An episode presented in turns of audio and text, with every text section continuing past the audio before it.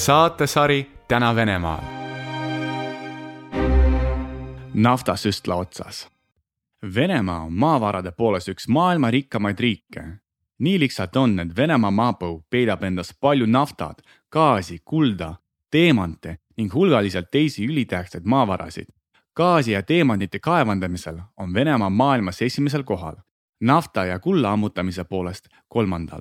ent nagu see sageli juhtub, on seesugune eelis saanud Venemaa jaoks peamiseks puuduseks. keskendudes täielikult tooraine ammutamisele ja müügile, unustas riik ülejäänud majandusest ning kui küsida ükskõik milliselt täiskasvanud inimeselt, mille poolest on Venemaa täna maailmas peale nafta ja maagaasi veel tuntud, siis vaevalt nimetab tema midagi muud kui ammu enne teda loodud vodka või Kalašnikovi automaati. võib-olla mainib keegi veel jäähokit ja ei eksi selles saates tahan ma rääkida mitte niivõrd naftast, barelite kogustest ja numbritest, kuivõrd sellest, milleni võib viia olukord, kus riik on liiga kaua naftasüstla otsas olnud. see on saade, kus venelane räägib Venemaast eesti keeles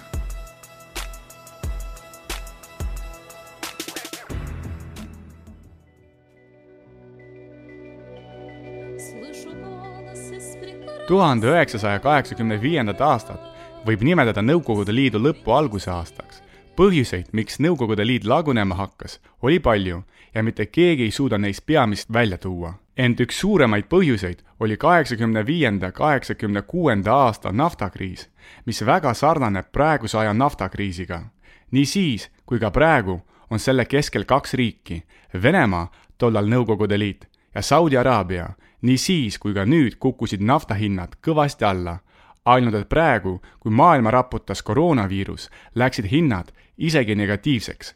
kuidas nii juhtus ja mis Venemaast lähiaastatel saab, püüan ma selles saates rääkida. tasub meenutada, et kiviaeg ei lõppenud sellepärast, et said otsa kivid nii ka naftaajastu ei lõppe sellepärast, et nafta otsa saaks.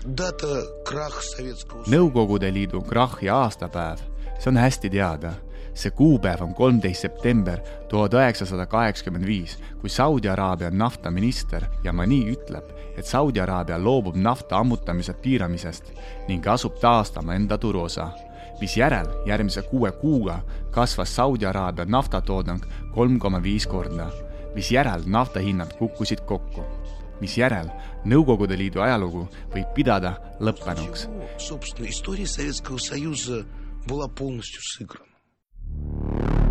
Igor Gaidar, nüüdisaegse Venemaa esimene peaminister. kuuendal märtsil kaks tuhat kakskümmend Viinis toimunud OPEC pluss istungil teatas Venemaa, et ta ei osale enam nafta tootmise vähendamise programmis, mille eesmärk oli musta kulla hinda stabiilsena hoida eksperdid olid juhtivate naftariikide vahelise tootmismahu vähendamise kokkuleppe järjekordset pikendamist pidanud puhtformaalseks protseduuriks, seda suurem oli imestus, kui Vene energeetikaminister Aleksandr Novak lahkus neljandal märtsil kohtumiselt kolleegidega enne selle lõppu. miks nii tehti, jääb saladuseks, kuid ma isiklikult arvan, et säärase käiguga protestis Venemaa Ühendriikide naftapoliitika vastu, kus pole kohta tootmiskärbetele.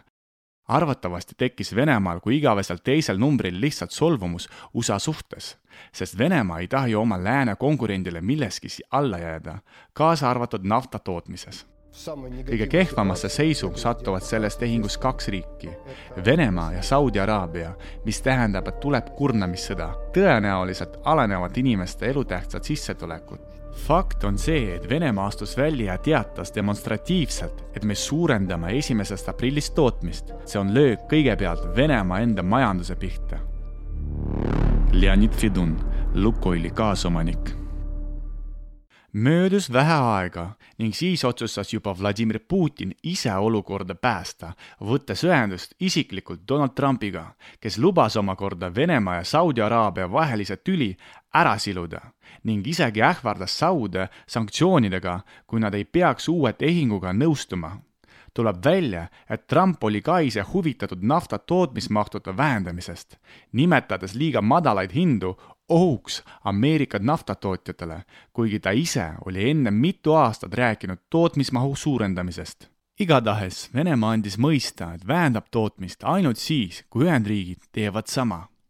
USA president Donald Trump teatas, et tal oli Venemaa presidendi Vladimir Putiniga ja Saudi Araabia kuningaga hea vestlus naftakokkuleppe teemal. Trump tõdes, et naftat on praegu nii palju, et pole kohta, kus seda hoida. Maailma ajaloos on juba olnud sarnaseid olukordi, tuhande üheksasaja seitsmekümnendatel aastatel, kui OPEC-i liikmed hinnataseme säilitamiseks samuti tootmisi vähendasid, tulid turule uued tegijad ja laiendasid kiiresti tarnete geograafiat. Nende hulgas oli ka Nõukogude Liit. peamise löögi võtsid vastu saudid, kes pidid kõige rohkem ohverdama, kuid tuhande üheksasaja kaheksakümne kuuendaks aastaks oli Saudi Araabia enesepiirangutest väsinud ja tõstis järsult ammutamise mahtu, misjärel kukkusid naftahinnad viiskümmend protsenti, jätkab Leonid Fedun. Tuhande üheksasaja kaheksakümne kuuendast aastast hakkas Saudi Araabia oma turuosa suurendama ja üha rohkem naftat pakkuma. peamine löök tabas siis Nõukogude Liitu, kes kasutas naftat tollal viimase reservina. Selle hinnasõja tulemusel lakkas Nõukogude Liit olemast kuid tulema tagasi tänasesse päeva, nagu ütleb vene vanasõna, häda ei tule üksi. lisaks katkestatud OPEC pluss kokkuleppele raputas maailma koroonaviiruse pandeemia, mis esiteks tõi välja eranditult kõikide tervishoiusüsteemide nõrkusi ja teiseks käivitas uue ülemaailmse majanduskriisi, koroonaviirus sulges kõikide riikide piirid turistidele ning lukustas tavakodanikud nende kodudesse inimesed lakkasid reisimast, lakkasid tööl käimast ning seega lakkasid naftat tarbimast. naftanõudlus on vähenenud umbes kolmkümmend protsenti globaalsest tarbimisest. naftahoidlad kõikjal maailmas hakkasid kiiresti täituma ning on tekkinud oht, et varsti ei ole naftat enam kuhugi panna. kui pakkumine ületab nõudluse, läheb hind alla Venemaa rahvusvaluuta rubla on otseselt naftaga seotud ja kui odavneb nafta, odavneb ka rubla see aga tähendab, et nafta hinna languse korral saab tavaline Vene kodanik osta välismaa kaupu ja teenuseid vähem kui kõrge hinna korral. mida varem hakkavad Venemaa elanikud nafta sõltuvusest vabanema, seda parem. kuid jällegi, minu arust ei juhtu seda enne, kui langeb praegune Putini autokraatlik režiim, mis elabki nafta ja gaasi müügist peale selle tuleb arvesse võtta, et pärast koroonaviiruse seljatamist võib nõudlus nafta järele taastuda väga aeglaselt psühholoogide väitel kujunevad harjumused kahekümne ühe päevaga, aga karantiinis istuvad inimesed kõikjal maailmas juba palju rohkem. selleks ajaks, kui meie planeedil taastub harjumuslik elurütm, võib osutuda, et tarbimismudel on tugevasti muutunud. tuleb välja, et pole tarvis iga päev autoga tööl käia ja kallist ülikonda kanda. konverentsile lendamise asemel võib osaleda online režiimil. inimesed võivad harjuda rohkem kodus aega veetma ja vähem reisima, mis jällegi mõjuks negatiivselt Venemaa majandusele ja venemaalaste ostuvõimele. veel tuleb arvesse võtta praeguse aja eripära ja probleeme tänasel päeval tunneb Euroopa sügavat muret üleilmse kliima soojenemise pärast. ei pea olema keskkonnaekspert selleks, et teha järeldust. üldine kliima on muutunud, piisab vaid meenutada meie kaht viimast talve, kus lund oli enneolematult vähe koroonaviiruse pandeemia kinnitas teadlaste arvamust, kui armutult inimkond loodust vägistab, pruukis meil vaid korraks lakata reisimast ja lennukiga lendamast, kui maailmameri ja õhk läksid märgatavalt puhtamaks. seda teravamaks muutub alternatiivsete energiaallikate küsimus. jätkab Leonid Fedun pluss tuleb aru saada, et maailm on justkui muutunud. kui varem võisime sellise hinnalanguse korral loota hinna naasmist, ütleme saja või saja kahekümne dollari peale barrelist, siis nüüd seda ei juhtu, sest on hinnaraie. see on nõndanimetatud roheliste tehnoloogiate areng. näiteks teatas üks Euroopa suurtematest naftatööstusettevõtetest Enai, et nad ei otsi rohkem uusi nafta leiukohti ja teevad kahe tuhande viiekümnendaks järgnevaks aastaks naftaga lõppu. tõenäoliselt tulevad varsti samasuguste teadetega välja ka teised Euroopa suurkompaniid BP, Shell, Total. see on fakt ning käituda selles olukorras, nagu ütleme, tuhande üheksasaja kaheksakümnendate aastate keskel, on minu arvates äärmiselt kummaline. ent see pole veel kõik Venemaa suhetes nafta ja maagaasiga on üks väga tähtis detail, mis võib mängida otsustavat rolli Putini režiimi languses Доходы от продажи сырья формируют более 50% российского федерального toorme müügist saadav tulu moodustab üle viiekümne protsendi Venemaa föderaaleelarvest. süsivesinikud, nafta ja maagaas annavad kaheksakümmend protsenti sellest summast. see on riigi majanduse jaoks küllalt tähtis sektor. just need tulud lähevad jõustruktuuridele, salastatud eelarvete kuludeks, residentside ülalpidamisele, Kremli lähikonna rikastumisele nii riigieelarve kaudu kui ka otse võtta naftatulu ära ja võim peab hakkama maksumaksjalt raha lunima, aga mitte tegema nägu, nagu ta toidaks maksumaksjat. võtta naftatulu ära ning eriteenistuslaste ja politseinike arvut tuleb vähendada normaalsele Euroopa tasele. Mihhail Hodorkovski, Venemaa naftagiganti Yukos endine omanik kui Kreml lakkab saamast nafta ja gaasimüügist nii palju raha, kui ta on seni kulutanud politsei, armee ja eriteenistuste peale, siis peab ta hankima selleks raha kas uute maksude kehtestamise kaudu, mis on vähetõenäoline, sest kui alles hiljuti tahtsid võimud pensionifondi seisu pensioniea tõstmise teel korrigeerida, reageerisid tavakodanikud sellele tingimuseta eitavalt, mis mõjus äärmiselt halvasti võimu reitingule või siis jäävadki jõustruktuurid nõrgemaks ning võimul saab olema raskem oma rahvast hirmutada. milline ka ei oleks Venemaa areng lähimal kümnendil, on tema kodanikel alust arvata, et praegune režiim kas kukub või siis pehmeneb sedavõrd, et riigis tekib lõpuks ometi lootus sõnavabadusele ning autokraatia asendub demokraatiaga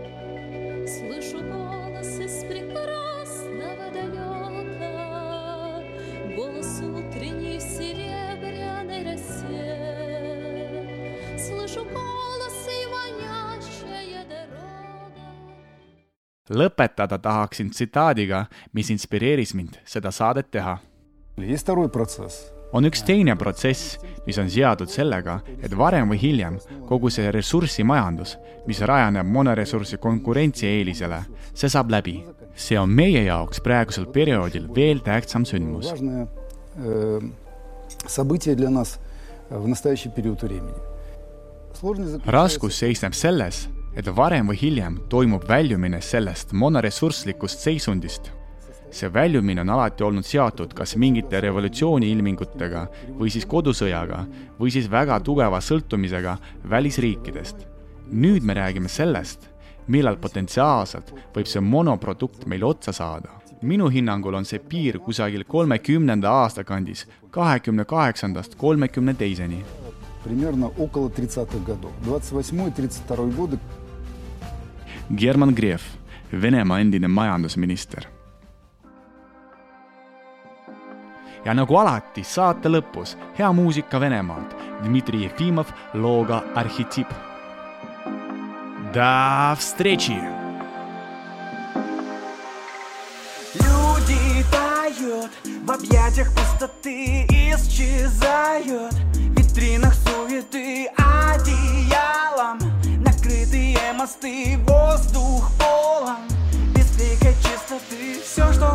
только не забудь про себя.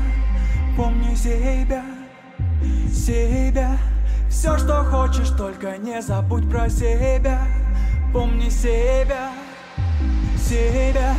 Все, что хочешь, только не забудь про себя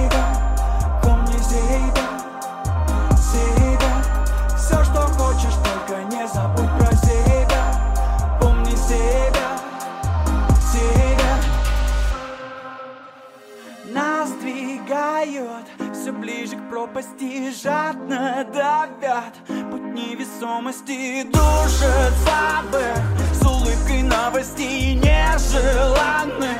На корабле гостей Все, что хочешь, только не забудь про себя. Помни себя себя. Все, что хочешь, только не забудь про себя. Помни себя, себя. Все, что хочешь, только не забудь про себя